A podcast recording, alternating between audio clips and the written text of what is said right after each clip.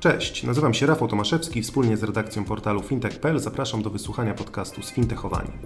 Jako pasjonaci branży fintech zapraszamy do studia ludzi kluczowych dla rozwoju tego sektora. Przeprowadzamy z nim pogłębione rozmowy zarówno o luźnych kwestiach, jak i pogawędki na tematy bardziej skomplikowane. Zajmujemy się wszystkim tym, co w codziennym kontakcie z branżą finansową może umknąć uwadze odbiorców.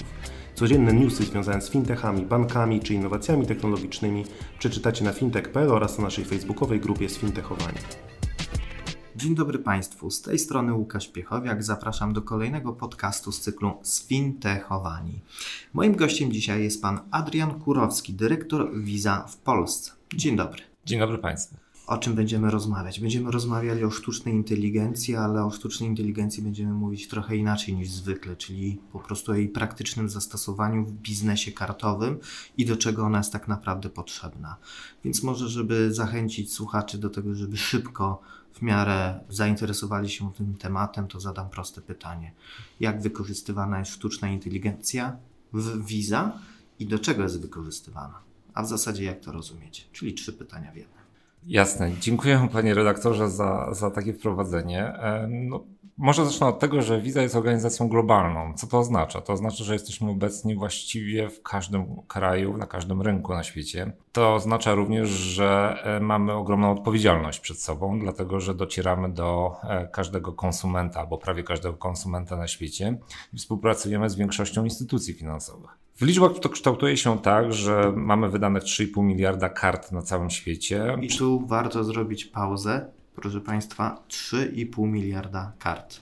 Tak, zgadza się, a ostatnio nawet nie tyle kart, co tak zwanych kredensiali płatniczych, czyli informacji, które uprawniają posiadacza tych, tych danych do dokonywania płatności, a po drugiej stronie akceptanta do realizacji tych płatności. I to jest o tyle ważne, że w dzisiejszych czasach możemy mówić o płatnościach bez już fizycznego udziału karty. I to nie tylko dlatego, że płacimy przez internet, ale dlatego, że posługujemy się tokenem. Być może w trakcie naszej audycji będzie okazja, żeby trochę porozmawiać o tokenach. Na pewno będę pytać o tokeny, ale wracając do sztucznej inteligencji. No właśnie. Do czego, bo to jest sztuczna inteligencja, proszę Państwa, to jest narzędzie. To nie jest byt, tylko to jest narzędzie. I teraz będziemy rozmawiali o tym, jak się to narzędzie w praktyce wykorzystuje, bo dosyć często mówi się o sztucznej inteligencji, a my dzisiaj powiemy o jej praktycznym zastosowaniu. No i teraz kontynuując tą globalną funkcję i mówiąc o tych e, funkcjach płatniczych, muszę też powiedzieć o tym, że my jako organizacja płatnicza przetwarzamy 180 miliardów transakcji rocznie. 180 miliardów transakcji, czyli indywidualnych przekazów czy indywidualnych instrukcji płatniczych, które mają pewien skutek, skutek finansowy. Mając tak dużą wolumeny transakcyjne i mając z tyłu głowy wszystko to, o czym kojarzy się płatność kartą Visa, czyli po pierwsze bezpieczeństwo, po drugie wygoda, po trzecie szybkość dokonywania transakcji, my musimy dostarczać narzędzie oparte na technologiach, które są obecnie dostępne do skanowania, przeglądania, oceniania każdej z tych transakcji. I właśnie do tego nam jest potrzebna sztuczna inteligencja, żeby z jednej strony możliwie pomniejszać efekt, element ryzyka, który jest wpisany w transakcje szczególnie zdalne, a po drugie pomagać naszym partnerom i naszym klientom w tym, żeby dostarczyć im narzędzi do podejmowania właściwych decyzji, które transakcje zaakceptować, które transakcje ewentualnie zawiesić, a które transakcje odrzucić. I wszystko to najlepiej w czasie rzeczywistym i wszystko to najlepiej z efektywnym modelu kosztowym. I teraz. Czyli niedrogo. No, czyli niedrogo. Wiadomo, skala tutaj ma znaczenie. Czym więcej tych transakcji, tym więcej e, inteligencji możemy z tych transakcji wyciągnąć i tym łatwiej nam jest zbudować takie narzędzie, które po pierwsze będzie skalowalne, a po drugie będzie pozwalało podejmować te decyzje po prostu w mgnieniu oka. No to najlepiej to też przedstawić na przykładzie. Dajmy na to, mamy podmiot XY, który spełnia wymogi regulacyjne, żeby wydawać kartę, dołącza do organizacji płatniczej taką, jaką jest Visa.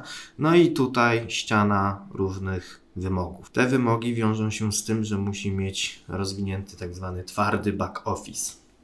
Całą masę zatrudnić ludzi do tego, żeby sprawdzali mm, AML, QIC, fraudy i tak dalej. No i tutaj pojawiacie się wy, bo ułatwiacie obniżenie tych kosztów. Zdecydowanie tak. Po pierwsze, w ramach otwartości naszej organizacji na podmioty, które są podmiotami licencjonowanymi, czyli otrzymały licencję mm, w zakresie realizowania funkcji instytucji płatniczych, no nie mamy prawa odmówić e, takim podmiotom realizowania czy to wydawnictwa, czy też akceptacji kart płatniczych.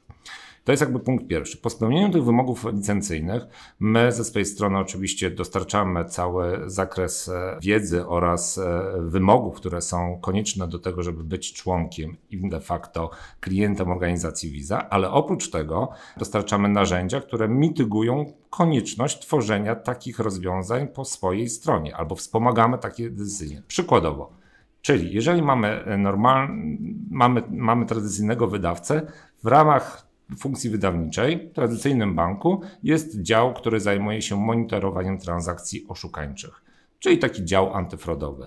Oprócz tego są funkcje risk managementowe. Każde, każda instytucja finansowa, szczególnie banki, mają bardzo mocno posunięte. Rozbudowane są w tej kwestii. Dokładnie tak. Jeżeli jest to na przykład fintech, podmiot, który dopiero co wchodzi do tego rynku, podejrzewam, że oprócz oczywiście skorzystania z zakupu systemu, który pomaga w podejmowaniu takich decyzji, takiej, takiej kompetencji musi dopiero albo pozyskać z rynku, albo wytworzyć. I teraz, jeżeli przychodzi do Visa i Visa decyduje się na współpracę właśnie z takim fintechem, to możemy mu zaoferować narzędzia, które pomogą w podejmowaniu tych decyzji. Jeżeli popatrzymy na sam proces do dokonywania transakcji, to ta transakcja składa się z takich dwóch podstawowych elementów. Pierwszy element to jest, podejm- to jest autoryzacja transakcji, a drugi element to jest uzgodnienie i rozliczenie transakcji. W zakresie autoryzacji transakcji, my jako Visa do każdej transakcji realizowanej w każdym zakątku świata, niezależnie od tego, czy jest to transakcja tak zwana face to face, czyli z fizycznym użyciem karty, czy jest to transakcja zdalna, wystawiamy score. Score, czyli wartość punktową oceniającą, czy dana transakcja z punktu widzenia naszego spojrzenia na sposób, w jaki została przeprowadzona, jest to transakcja bezpieczna tu, czy niebezpieczna. Tu pauza, przypomnę. Score i 180 miliardów tych transakcji. Dokładnie tak. Okay. Nie byłoby to możliwe, gdyby nie sztuczna inteligencja, czyli model oparty o uczenie maszynowe, pozwalające na to, żeby do każdej transakcji w czasie rzeczywistym sprawdzić kilkaset parametrów e, związanych z geografią danej transakcji, kanałem dokonanej transakcji, parametrami ryzyka, jakie zostały ustawione w relacji z danym wydawcą, bo może się na przykład okazać, że dany wy wydawca uzna, że jeżeli byłby jego system autoryzacyjny niedostępny, to zgodzi się na to, żeby to Visa w jego imieniu taką transakcję zaakceptowała, dbając o dobro swoich klientów i jakby ciągłość działania. Różne rzeczy mogą się zdarzyć. Mogą być problemy telekomunikacyjne, które spowodują, że taka, takie zapytanie autoryzacyjne nie zostanie przekazane z punktu akceptującego za pośrednictwem Visa do hosta autoryzacyjnego, czyli in, e, infrastruktury. Czyli zawodzi internet, ale transakcja przychodzi, bo jest dobry scoring tejże transakcji i można ją zaakceptować bez większego ryzyka, że no, mogłaby być oszukańcza albo jakiegoś innego powodu. Dokładnie tak, pod warunkiem, że oczywiście spełnia ileś tam e, kryteriów, które sobie e, wewnątrz organizacji analizujemy i uzgadniamy oczywiście z naszymi wydawcami. To jest jakby początek tej drogi. Później, jak taka, taka autoryzacja zostanie e, zakończona sukcesem, mamy element właśnie uzgodnienia i rozliczenia transakcji. Teraz proszę sobie wyobrazić, że różni wydawcy różnie się umawiają z nami. Możemy mieć taką sytuację, że część transakcji będzie rozliczana w walucie dokonania transakcji, czyli nie będzie przeliczana na walutę kraju, z którego, z którego e, ta karta została wydana, czyli na przykład w naszym przypadku na złotówki, tylko będzie przykładowo rozliczana w walucie na przykład dolarze, bo klient pojedzie do Stanów Zjednoczonych i pozyska te dolary e, na swój rachunek i będzie chciał, żeby ta transakcja bez przewalutowania obciążyła jego rachunek. I teraz, jeżeli wydawca, który stoi za tą kartą, uzgodni tak z nami, no to musi przewidzieć, ile tych transakcji w dolarze amerykańskim będzie realizowanych, bo może się okazać, że nie będzie pokrycia dla rozliczenia tej transakcji z naszą organizacją, ponieważ my w ramach, że tak powiem, procesu kolejnego musimy po uzgodnieniu tych transakcji rozliczyć te transakcje i przekazać środki zabrać je z konta Czyli wydawcy. Clearing po prostu zrobić. To, zrobić clearing, potem settlement i przekazać je z konta wydawcy na konto agenta rozliczeniowego, który zaakceptował tą kartę i rozliczył się po to, żeby on mógł się rozliczyć ze swoim klientem, czyli detalistą. I to w mniej niż sekundę. Dokładnie tak. I teraz taka praca nie byłaby możliwa, mm, korzystając tylko i wyłącznie z procesów manualnych, tylko i wyłącznie z raportów, które byłyby generowane okresowo, tylko i wyłącznie z siły mózgu ludzkiego, polegającej na tym, że e, ktoś by siadał na przykład na koniec dnia roboczego i oceniał, ile tych transakcji zostało zawartych i ile w związku z tym spodziewa się w dniu następnym przekazać środków finansowych w danej walucie. Do tego potrzebny jest super mózg, czyli sztuczna inteligencja. Pamiętam, jak parę lat temu słyszałem stwierdzenie, że karty to tylko karty, a tutaj się okazuje, że za tym stoi naprawdę zaawansowana, bardzo zaawansowana technologia. Więc skoro już jesteśmy przy temacie sztucznej inteligencji, to może też warto powiedzieć, że w Wizie pracuje 20 tysięcy osób, tak? W całym, na całym świecie tak, w Polsce niecałe 100. To, to jest całkiem duża ekipa globalnie, a transakcji mamy 180 miliardów. Zgadza się. I to rośnie. No tak, czyli, czyli bez wsparcia technologicznego, takiego jak AI, technologie AI, po prostu nie ma możliwości dokonywania transakcji w sposób bezpieczny, bo tutaj w zasadzie mówimy o bezpieczeństwie takim szeroko rozumianym, bezpieczeństwie otrzymania zapłaty, dokonania transakcji, bo hmm. zawsze jest kilka stron. Tak, panie redaktorze, i powiem więcej. Nie tyle nawet bezpieczeństwo to jest jakby ogromna część tego, tego, tego przedsięwzięcia, ale również chodzi o ciągłość działania. Ciągłość działania mm, wyrażona tym, że w przypadku właśnie przerw telekomunikacyjnych, które no może nie są nad wyraz częste, ale zawsze się mogą zdarzyć, czy to właśnie w wyniku błędu ludzkiego, czy też zmęczenia technologii, którą, którą się posługujemy, może też się wydarzyć coś niespodziewanego, prawda? No, mo mogą wybuchnąć wojny, może być. Huragan może przejść. Może przejść huragan, mogą być jakieś e, zjawiska, i mimo tego, że są to łącza mm, e, e, wielokrotnie ponawiane, czyli mamy ten zapas gdzieś tam z tyłu, to mogą być bardzo, bardzo, bardzo nieprzewidziane wypadki, jak na, czasami na przykład słyszałem, że koparka przecięła światłowód, dokonując wykopu niedaleko centrum procesingowego. Przypadkowe wydarzenia, Dokładnie tak. Dokładnie tak.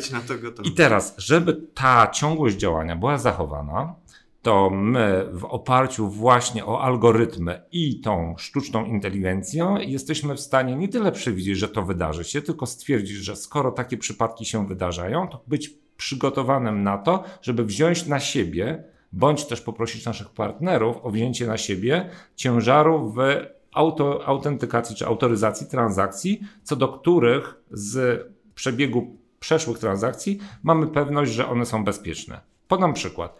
Ja na przykład e, rano wychodząc z domu na spacer z psem, zwykle żona mnie prosi, żebym do, e, e, kupił bułki czy tam pieczywo w piekarni w mojej okolicy. Jest to pewien rytuał. Te transakcje to są transakcje na maksymalnie do 20 zł i one się powtarzają bardzo, bardzo często. Przykładowo, jeżeli w tym momencie, czyli podczas mojej porannej rutyny wyjścia z psem i zajrzenia do tej piekarni zdarzyłaby się taki wypadek, o którym mówiliśmy wcześniej, no to e, nie byłoby łączności z wydawcą, który wydał tą kartę. Mm, na 99% jestem pewien, że tą transakcję, o ile dany wydawca ma e, podpisaną umowę w tym kontekście, konkretnym e, e, zakresie z naszą organizacją, zostałaby zaakceptowana i w momencie, kiedy przywrócona zostałaby łączność, ona by się zaksięgowana i obciążyła mój rachunek. Czy z tego tytułu ja mam jakiś kłopot? Ja nawet bym tego nie dostrzegł. Nie zauważyłbym różnicy pomiędzy e, dokonywaniem transakcji z po, w, z, w kontakcie z Klient wydawcą. Nawet o tym nie wiedział. Dokładnie tak. Dokładnie tak. Więc ja jako konsument bym był zadowolony, bo się nic nie wydarza, natomiast klient w postaci banku czy wydawcy tej karty w, e, po okresie jakby e, wznowienia łączności uzgodniłby stan salda z, z Visa i zaksięgował transakcje, które by dopiero e, do niego dotarły. No ale jest, jak jesteśmy przy tej liczbie, to musimy pomówić o oszustwach, bo mhm. tam no, sztuczna inteligencja pomaga też wykrywać różne schematy działań tak. oszustów i no, jak to działa. No dobrze, to może zacznijmy w ogóle od tego, że jakiś kontekst zbudujmy. No, kontekstem może być to, że tych oszustw nie jest dużo, ale stanowią poważne zagrożenie.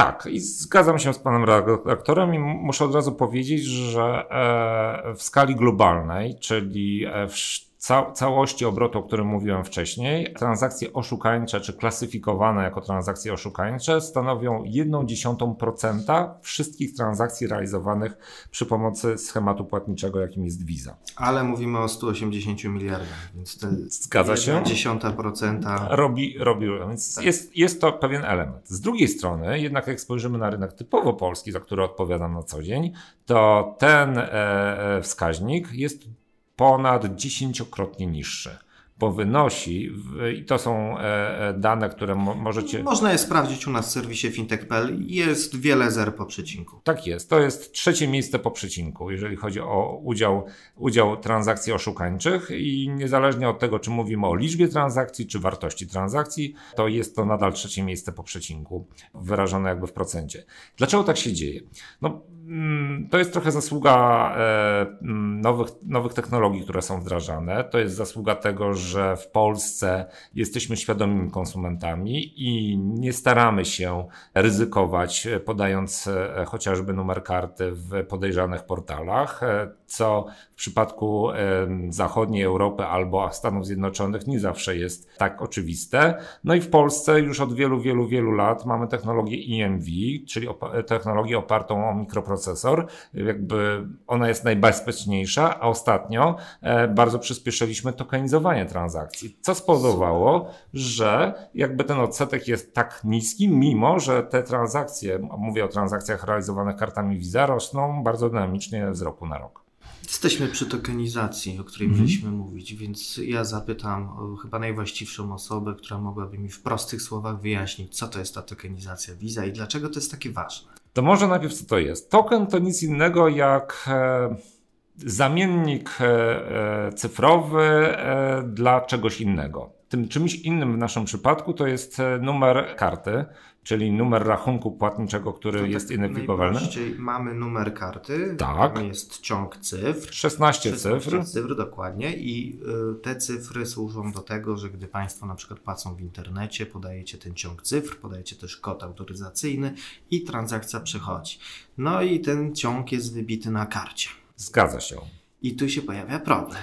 Teoretycznie tak, dlatego że jak jest on wybity na karcie, to on jest statyczny. A jeżeli jest statyczny, to można go podejrzeć, zapamiętać, skopiować. przepisać, skopiować. Dokładnie tak. W związku z tym, w toku, że tak powiem, zmian e, e, technologicznych oraz w porozumieniu z uczestnikami e, rynku, doszliśmy do wniosku, że może warto by było ten statyczny, możliwy do skopiowania i wymagający takiego należytej staranności, tą daną wrażliwą, którą stanowi właśnie ten numer karty, warto by było jakby zachowywać dla siebie głównie, a korzystać z płatności przy pomocy jego odpowiednika, który to odpowiednik będzie przechowywany na serwerach Visa. I to się nazywa token. I to się nazywa token. Czyli dzisiaj, przykładowo, moja karta, jestem w, w redakcji fintech.pl, nagrywamy ten podcast. Moja karta, z której korzystam na co dzień, leży w moim mieszkaniu gdzieś w, do, jakimś tam portfelu czy, czy, czy szufladzie. Natomiast dzisiaj mogę e, po nagraniu tego podcastu pójść do sklepu czy, czy, czy, czy w inne miejsce i wyciągnąć telefon, na którym nie ma tego numeru karty, tylko jest odpowiednik tego numeru w postaci tokena. Mogę skorzystać z mojego smartwatcha, na którym mam również zapisany token, który jest odpowiednikiem tamtej karty, która leży u mnie w szufladzie. Czyli jak zgubi pan smartwatcha, to nie trzeba wymieniać karty, wystarczy skasować token. Dokładnie tak. Co się wtedy dzieje? Dzwonię do wydawcy i mówią, że zgubiłem e, e, smartwatcha. Tam miałem e, te kredensiale płatnicze, czyli te wrażliwe dane płatnicze, które służą mi do płatności. W związku z tym proszę o skasowanie tego tokena i tyle. I tyle. I po problemie. Kupuję nowego smartwatcha albo w jakiś tajemniczy sposób go odzyskuję i dokonuję ponownego wydania w oparciu o kartę, która gdzieś tam sobie leży w bezpiecznym miejscu, nowego tokenu. Nasza rozmowa powoli zmierza ku końcowi, ale nie byłbym sobą, jakbym nie zadał pytania, jakie programy oferujecie fintechom działającym nad rozwiązaniami AI. No bo było mówione dużo o sztucznej inteligencji, my zajmujemy się fintechami, no to musimy o to zapytać. Oczywiście, że tak. To może zacznę od tego, że mamy. E, musi być korzyść. Tak, musi być korzyść. Szczególnie dla fintechów, bo to mam wrażenie e, ostatnio beneficjenci właśnie tego otwarcia się rynku. E, no i też myślę, że e, dlatego, że to jest pewnego rodzaju przyszłość, jeżeli chodzi o wzrost funkcji płatniczych. W związku z tym uruchomiliśmy w Europie program, który nazwaliśmy Visa Fintech Partner Connect. Ten program służy temu, żeby pozyskiwać kompetencje, nad którymi pracują fintechy, również w zakresie sztucznej inteligencji i oferować te kompetencje wzajemnie innym fintechom, bądź też tradycyjnym instytucjom finansowym. O co chodzi? Chodzi o to, żeby w ramach danego zestawu potrzeb i odpowiedzi na potrzeby, zaraz powiem o przykładach, nie tworzyć tego w in-house, w ramach organizacji jakiegoś banku czy instytucji finansowej, tylko skorzystać z już przetartej ścieżki, z gotowych komponentów, które można zintegrować w bardzo łatwy sposób za pomocą chociażby API czy włączenia jakby do oferty. Jakiegoś standardu infrastruktury. Dokładnie tak. I teraz w zakresie sztucznej inteligencji, o której pan redaktor wspomniał, mamy co najmniej dwie propozycje. Mamy taką firmę, która się nazywa Comply Advantage. To jest firma, która znalazła niszę e, w oferowaniu możliwości sprawdzenia w w trybie czasu rzeczywistego po dostępnych e, danych osób, które się rejestrują na, na, na, platformie płatniczej, czy dana osoba, po pierwsze, nie, nie była notowana w, na czarnych listach, czy jest osobą publiczną, czy nie, czy tak spełnia wymogi.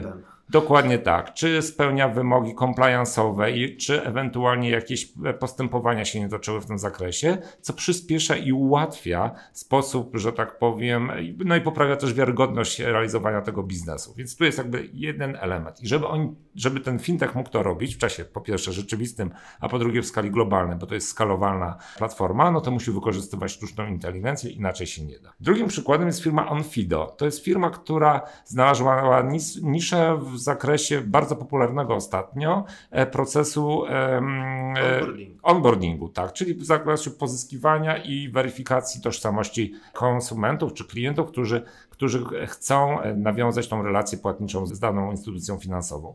Co to oznacza? To oznacza nie mniej, nie więcej, tylko że w, w zastępstwie weryfikacji oddziałowej która jest kosztowna, obarczona błędem ludzkim, no i wymaga. Trudna. A dzisiaj trudna, bo mamy takie czasy, jakie mamy. Posługujemy się narzędziem. Narzędziem w postaci aplikacji mobilnej zainstalowanej na smartfonie wyposażonym w kamerę.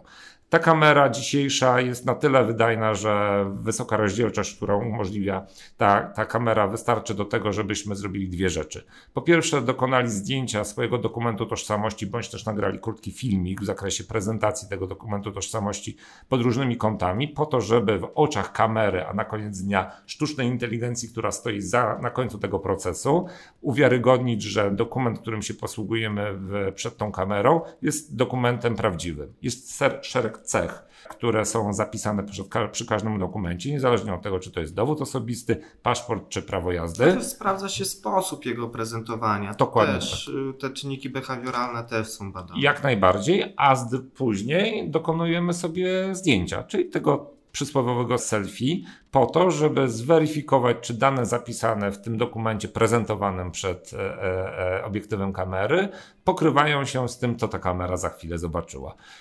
Ja wiem na przykład ze swojej strony, że jest to najbardziej efektywny, a nawet powiem więcej, nie tyle efektywny, co najbardziej predyktywny sposób wykrywania oszustw i ta sztuczna inteligencja, która jest zaprzągnięta do analizowania tych wszystkich danych, powoduje, że w procesie onboardingu człowiek jest zupełnie zbędny. No mam nadzieję, że jeszcze przez jakiś czas klienci będą potrzebni, ale to też się zmienia, bo zaraz maszyny również będą dokonywały za nas transakcji płatniczych, ale to dobrze, bo ułatwiają nam życie. To... Mówię tutaj o e, internecie rzeczy. Dokładnie, to może być nawet e, pomysł na następny podcast, bo niewątpliwie ten temat connected devices, czyli internetu rzeczy jest e, bardzo po pierwsze rozwojowy, a po drugie bardzo perspektywiczny z punktu widzenia tej rzeczywistości, tak, która przed nami. I, I tokeny z odpowiednimi uprawnieniami płatniczymi do dokonywania, nie wiem, na przykład zakupu jajek zamiast, nie wiem, wzywania serwisanta w danym momencie. Hmm. Bardzo ciekawy temat, bardzo ciekawa rozmowa. Dziękuję uprzejmie, bo niestety musimy już kończyć. Ja nazywam się Łukasz Piechowiak. Moim gościem był pan Adrian Kurowski, dyrektor Visa w Polsce. Zapraszam Państwa na kolejne podcasty z cyklu Sfintechowani, które są dostępne jak zawsze na Spotify, SoundCloudzie i wielu, wielu innych miejscach, gdzie, gdzie wygodniej. Po prostu gdzie wygodniej. Tak jak z płatnościami. Dziękuję. Dziękuję.